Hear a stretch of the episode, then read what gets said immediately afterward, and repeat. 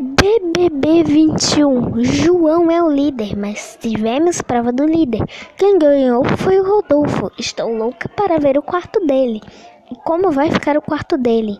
Ele vai ganhar a coroa. Que legal, não é mesmo? Mentira, não é não. Eu preferia que fosse o Gilberto. É, eu preferia. Se você está, estava torcendo para Carol, vá se fuder, meu amigo. Se foda. Senta na banana.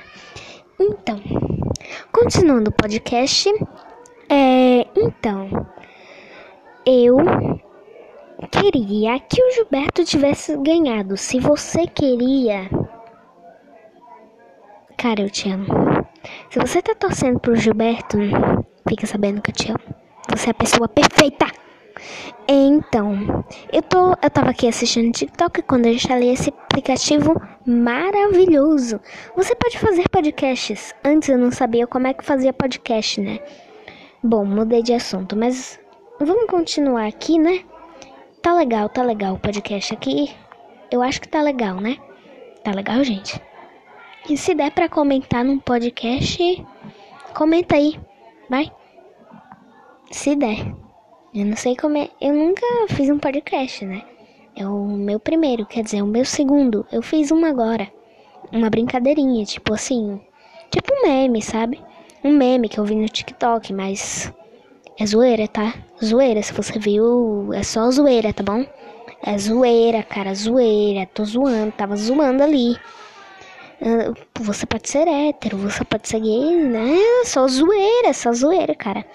Bom, assim, eu apoio LGBT, que no caso L é de lésbica, B LGBT, ah, sim, B é de bi, G é de gay e T é de transexual.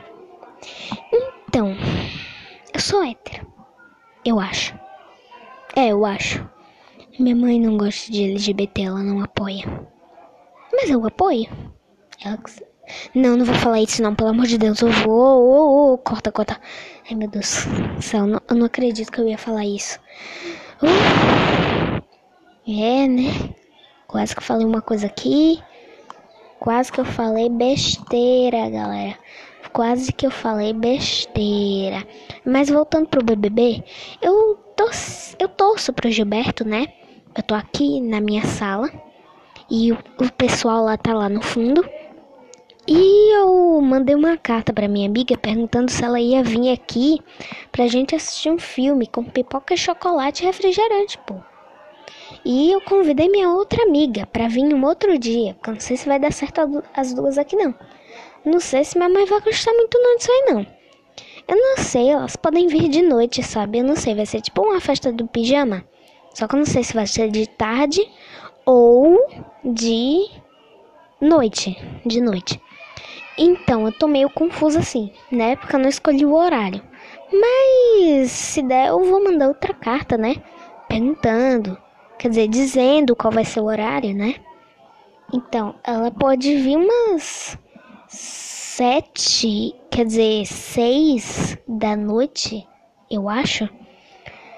É, né? Porque a minha amiga, a primeira amiga que eu disse que eu tinha, é o nome dela é Cecília.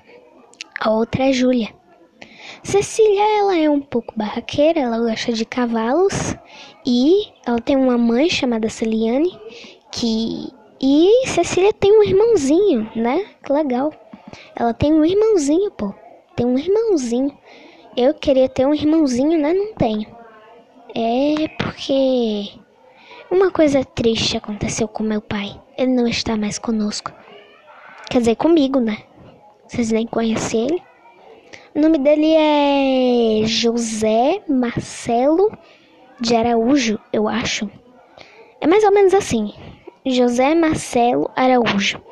Eu sou Lara Marcela Leite de Araújo. O nome da minha mãe é Ariane Paz Leite, né? Eu sou da família Leite e Araújo.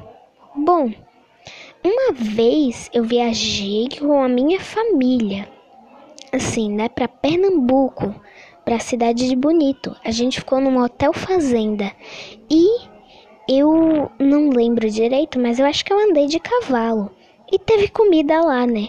A gente ficou tipo num hotelzinho, sabe? Não, assim.